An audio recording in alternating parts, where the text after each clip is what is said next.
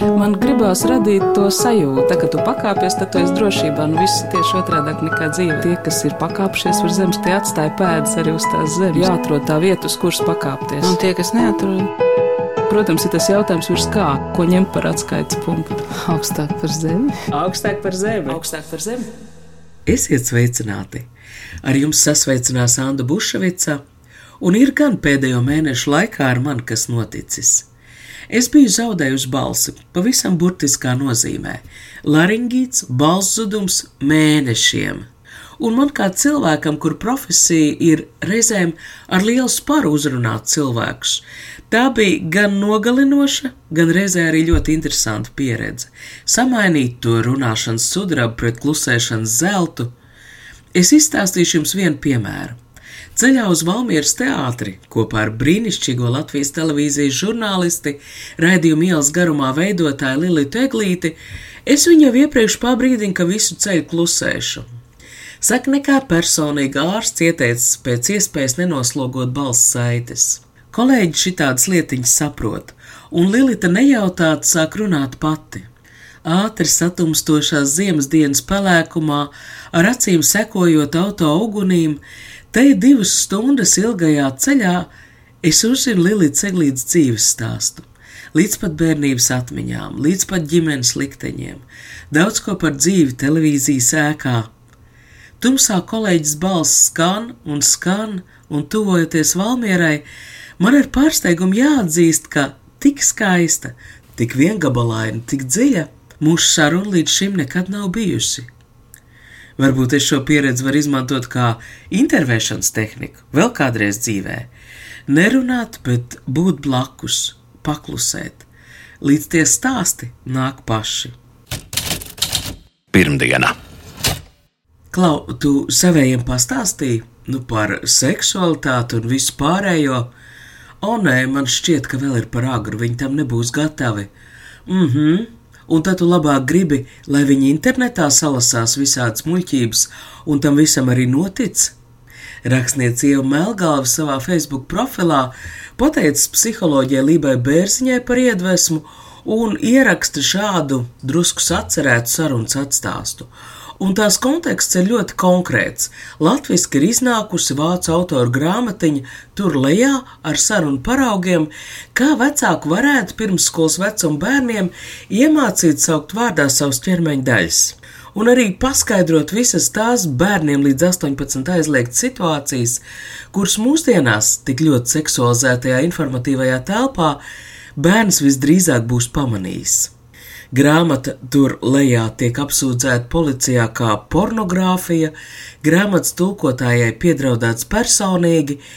Saceltā vētra no vienas puses šķiet neadekvāta.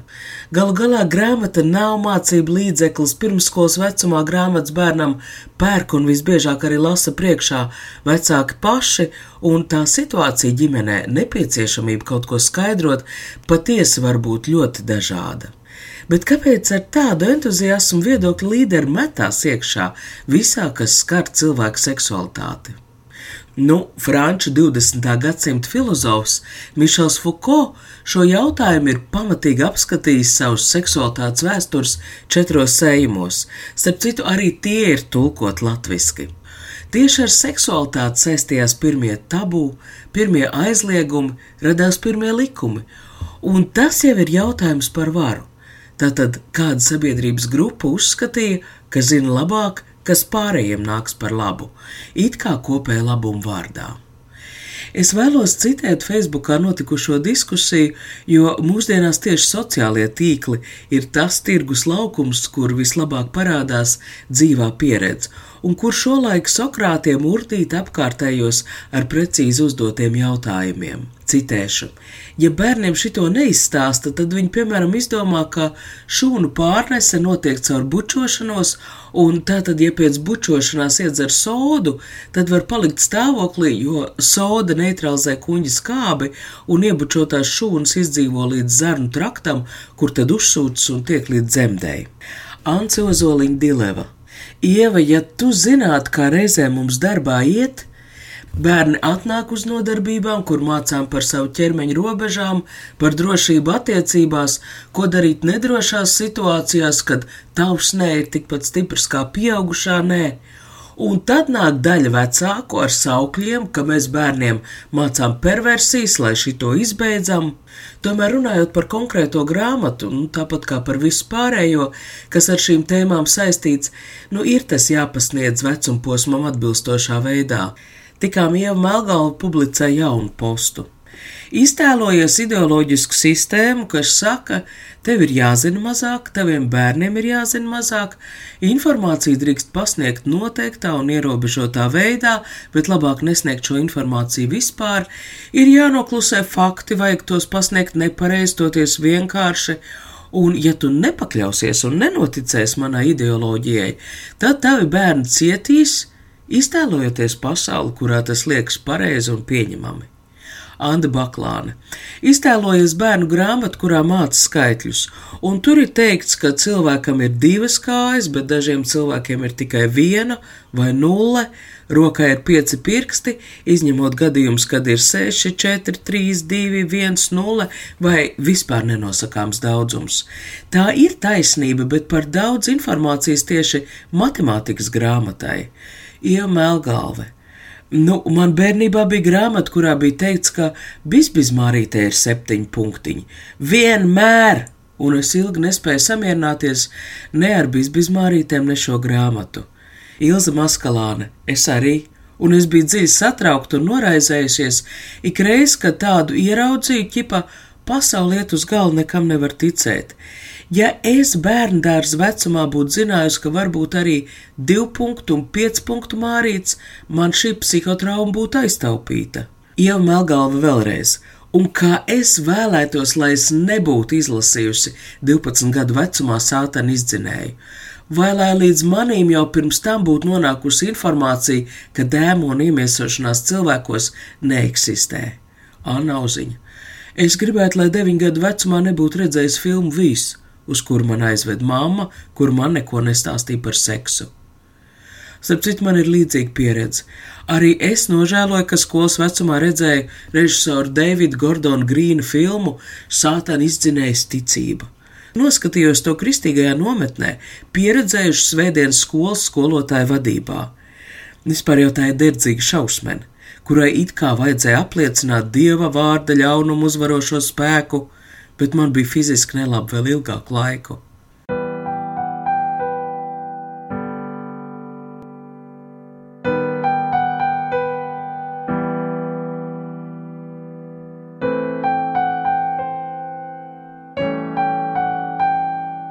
Tagad veltījums vecākiem, kuri uzskata, ka jebkurā grūti izskaidrojamā situācijā bērniem ir jāiet gulēt. Dziesmas autors Aldis Kolosovs dzēja Kārlis Vērdiņš. Labvakar, mūsu mazo draugiņu! Mēs esam onkuļi un tantes. Mēs atnācām pie taviem vecākiem, lai visu nakti plītētu un rītu, lai pārunātu garlaicīgas lietas un dejotu pie vecas stulbas mūzikas.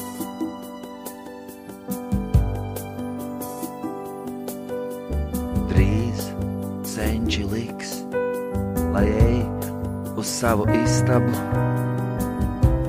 un centies aizmigt, klausīdamies spiedzienos un stikla šķindoņā ar kādu saplīst glāzes un gadiem ilgi vilksies mūsu nakt.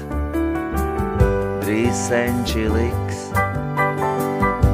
lai eju uz savu istabu centies aizmigt, klausīdamies spiedzienos un stikla šķindoņā ar kādu saplīst glāzes un gadiem ilgi vilksies mūsu nakts.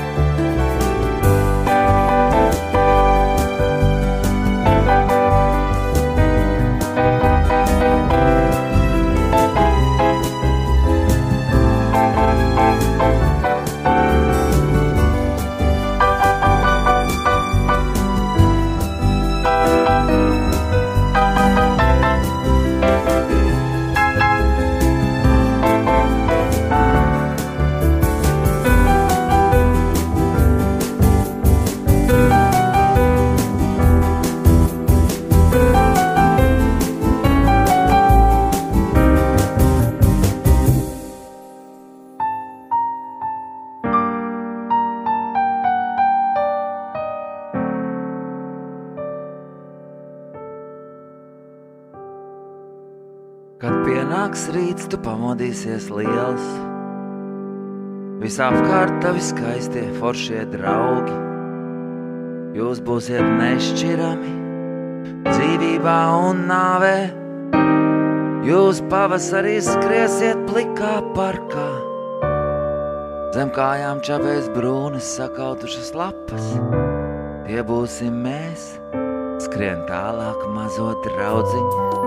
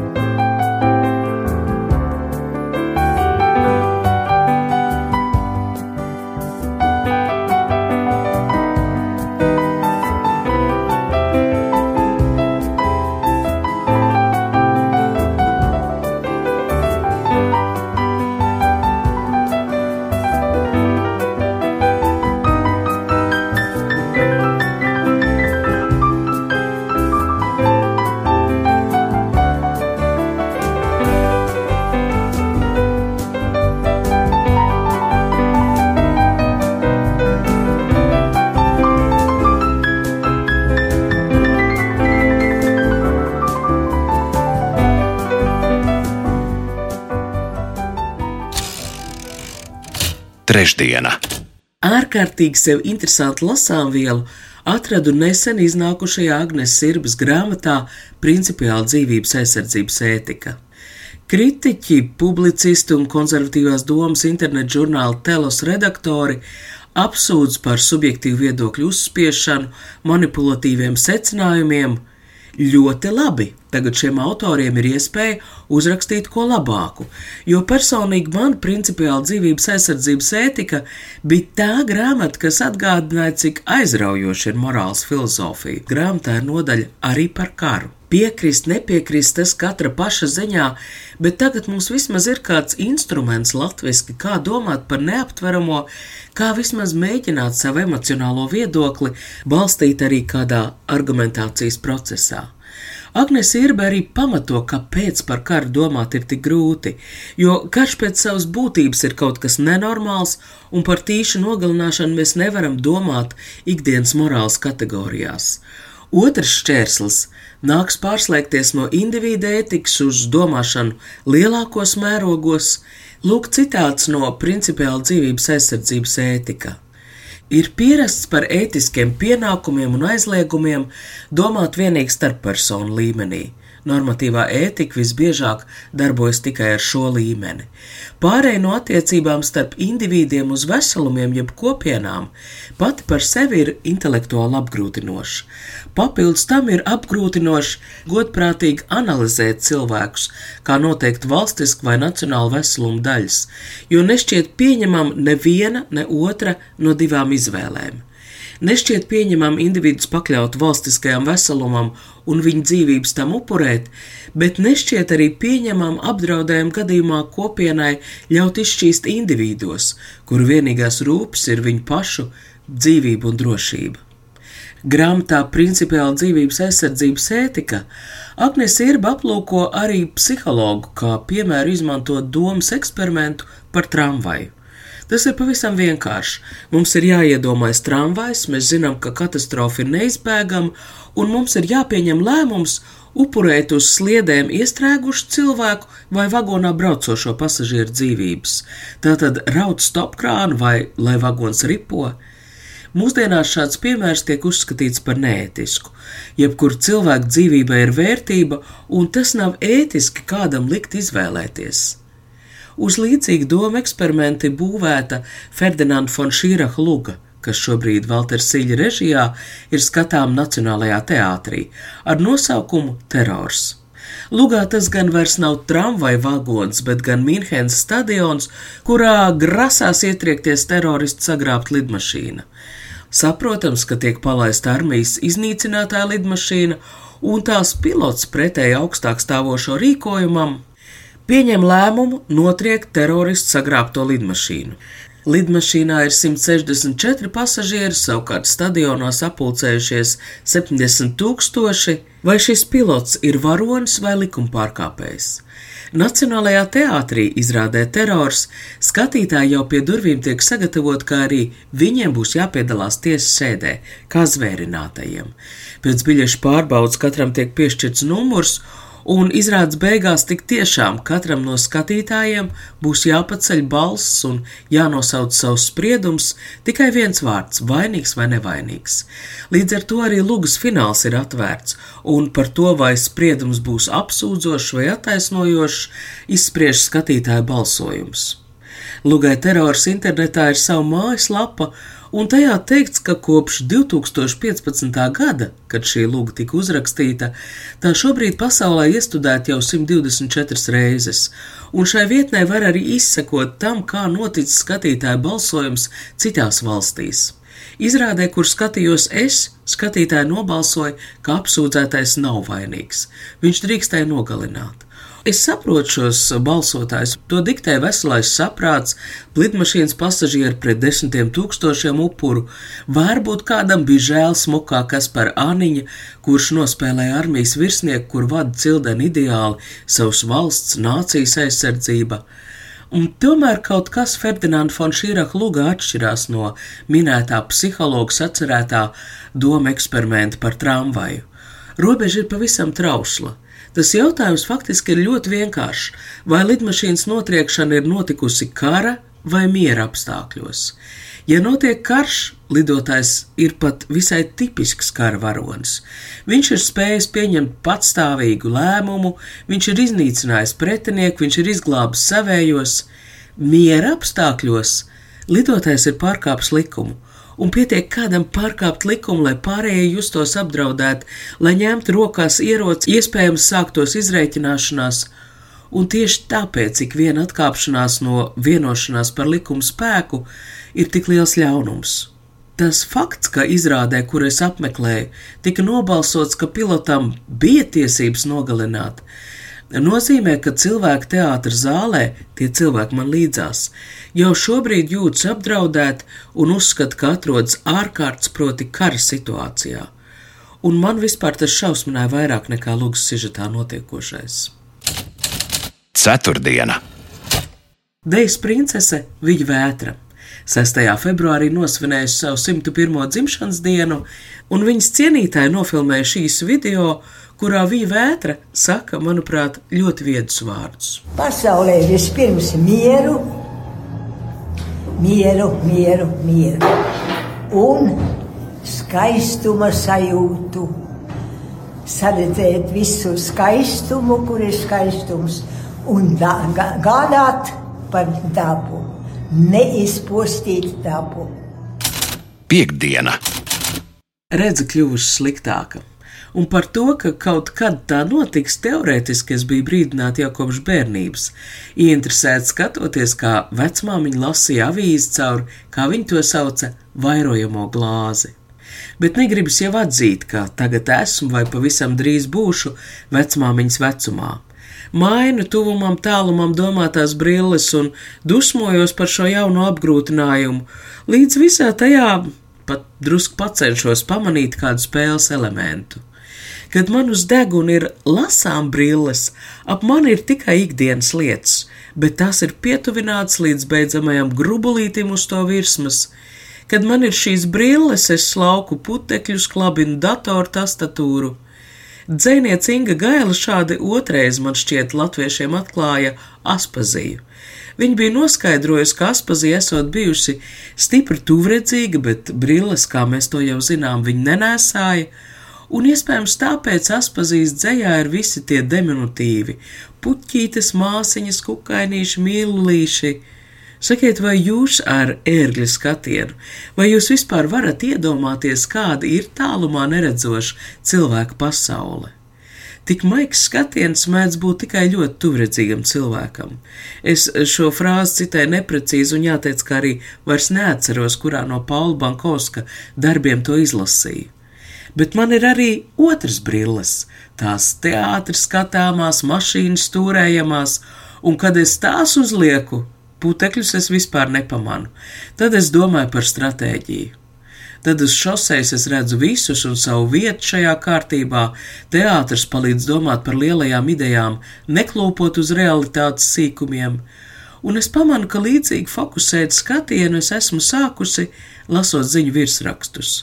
Karš Izrēlā, karš Ukrainā, Es cenšos tam visam sekot, cerot, ka mana kaut vai tāda novērotāja līdzjūtība kaut kur tur augšā tiks uzklausīta.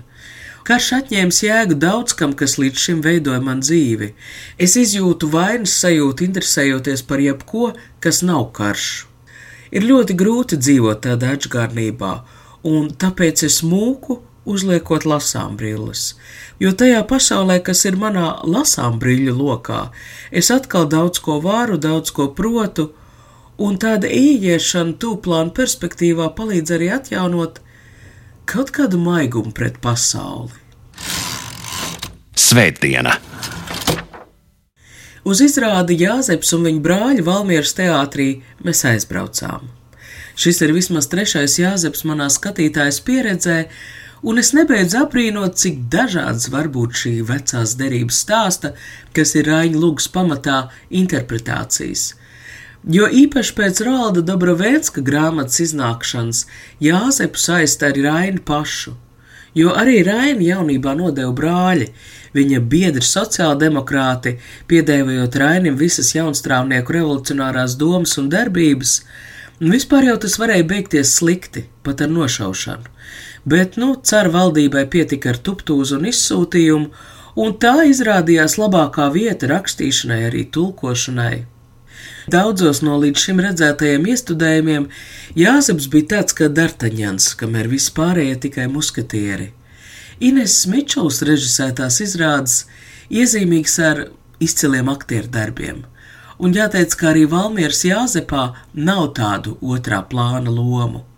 Es skaidri redzu katra aktiera izstāstīto stāstu, vecāko brāļu dusmas par likuma paklausību, kas tēva mīlestības priekšā izrādījusies velta, par Simonam atņemto dinu, kura iemīlējusies skrien satikt Jāzepu. Jāzeps šai izrādē nav labākais no cilvēkiem. Mārtiņš Meijers Eģiptes skatā Jāzepu arī spēlē kā tādu niķīgu bērnu. Viņa Jāzeps Eģiptes zemē, kur ir taisnas tiesas spriedējs, Brāļus ieraudzījis, kļūst nejēdzīgs, kļūst vājš, viņš nespēja valdīt, tik auklē zem zelta drānām paslēpto nātna kreklo ar brāļu durto ērkšķi, ērkšķīti, kas visu laiku duras. Tā ir sāpju pilna pasaule, un šajā pasaulē nav piedošanas vismaz horizontālajā plaknē, nē. Jāzeps piedod, bet tikai tad, kad ir pieņēmis lēmumu iet tālāk, aiziet aiz. Ja kanāna, kurā mīt jēkabs brāļi, varam saistīt ar vecās derības dievu, tā ir tāda iekšupvērsta, noslēgta pasaule, kurā galvenais ir subordinācija, tad Ēģipte un Jāzeps varētu būt jau jaunā derība, mīlestības likuma pasaule. Kaut kāda Eiropas Savienība, kas cenšas palīdzēt trešās pasaules valstīm un bēgļiem, bet tas ir kšķītis. Tas sāp gan Kanānā, gan Eģiptē, tas iznīcina visu tiecību pēc augstākiem ideāliem. Šis ir tas laiks, kad sāpes ir uzpeldējušas virspusē.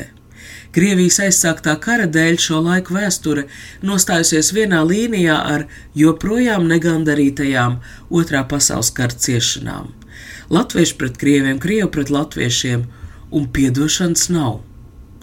Ines Mičula savu Jāzepu izrādes pieteikumā salīdzina ar Hamletu. Gal galā arī Šekspīra Hamleta darbība, to mums atgādināja nesenais viestur Kairiša iestudējums Rīgas Krievu teātrī, notiek briestoši kara priekšvakarā, šai lugā izglītots jauneklis meklē atbildi, kas prāta cienīgāk juku laikos. Manuprāt, gan Hamleta, gan Jāzepa atbildi ir atzīties sev savā mulsumā un ciešanās, un nevairīties no lielām jūtām. Ir pagājuši divi gadi kopš Krievijas pilna mēroga iebrukuma Ukrainā, un vairāk man paziņas par spīti aktīvai dalībai demonstrācijās, skaidri paustajai nostājai, pasaka man, es to šobrīd nespēju, kad aicinu viņus noskatīties režisoru Vitālija Mānska filmu Austrum fronte, ko šonadēļ rādīja Latvijas televīzijā. Un es viņus saprotu, jo šajā filmā ir vēstījums, ka ļaunums pastāv, ka tas ir kaut kas ļoti īsts, un vienlaikus kara filmās, arī literatūrā, ir kaut kas dzīvi ārkārtīgi apliecinošs. Intervijā žurnālam ir filmas Sirds likums režisore. Roza Stiebra saka, ka arī kara melnumā ir tik daudz cilvēcisku gaišumu, ka pēkšņi pah, un viss melnums pazūd. Un tā tas ir arī filmā Austrum robeža. Es domāju, ka pēdējā gada laikā vairākums no mums ir kaut reizi palūkojušies uz savas mājas pagrabu, apsverot, vai tas būs izmantojams kā patvērtne un tas ir šausmīgi un skumji, jo karš noārda visu ilgā laika posmā radīto, un vienlaikus, vismaz teorētiski, šādām domām būtu jāpalīdz arī dzīvot ar lielu pateicību un jaudu, neslēpjot sirdi.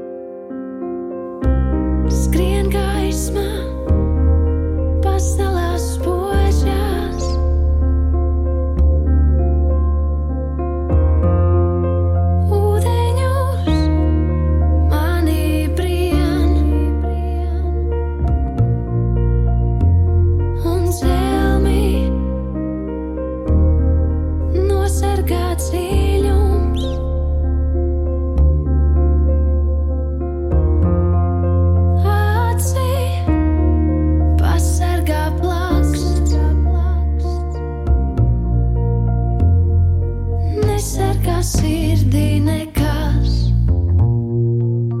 nesargās sirdī.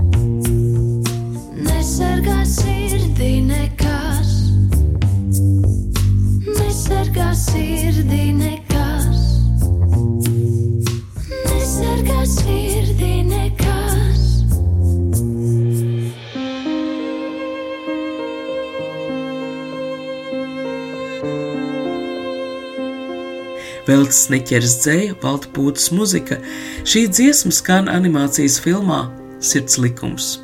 Pateicībā, ka uzklausījāt, no jums atvedās Anna Buševica, par šī raidījuma skaņu gādāja Valdis Raitums. Tā kā tu pakāpies, tad tu esi drošībā. Nu, viss ir tieši otrādi nekā dzīve. Tas ir tā spēle, jā. Tie, kas ir pakāpšies virs zemes, tie atstāja pēdas arī uz tās zemes. Protams, ir tas jautājums, ko ņemt par atskaites punktu. Nē, nu, principā ir skaidrs, augstāk par zemi. Jāatrod tā vieta, uz kuras pakāpties. Augstāk par zemi. Augstāk par zemi. Augstāk par zemi.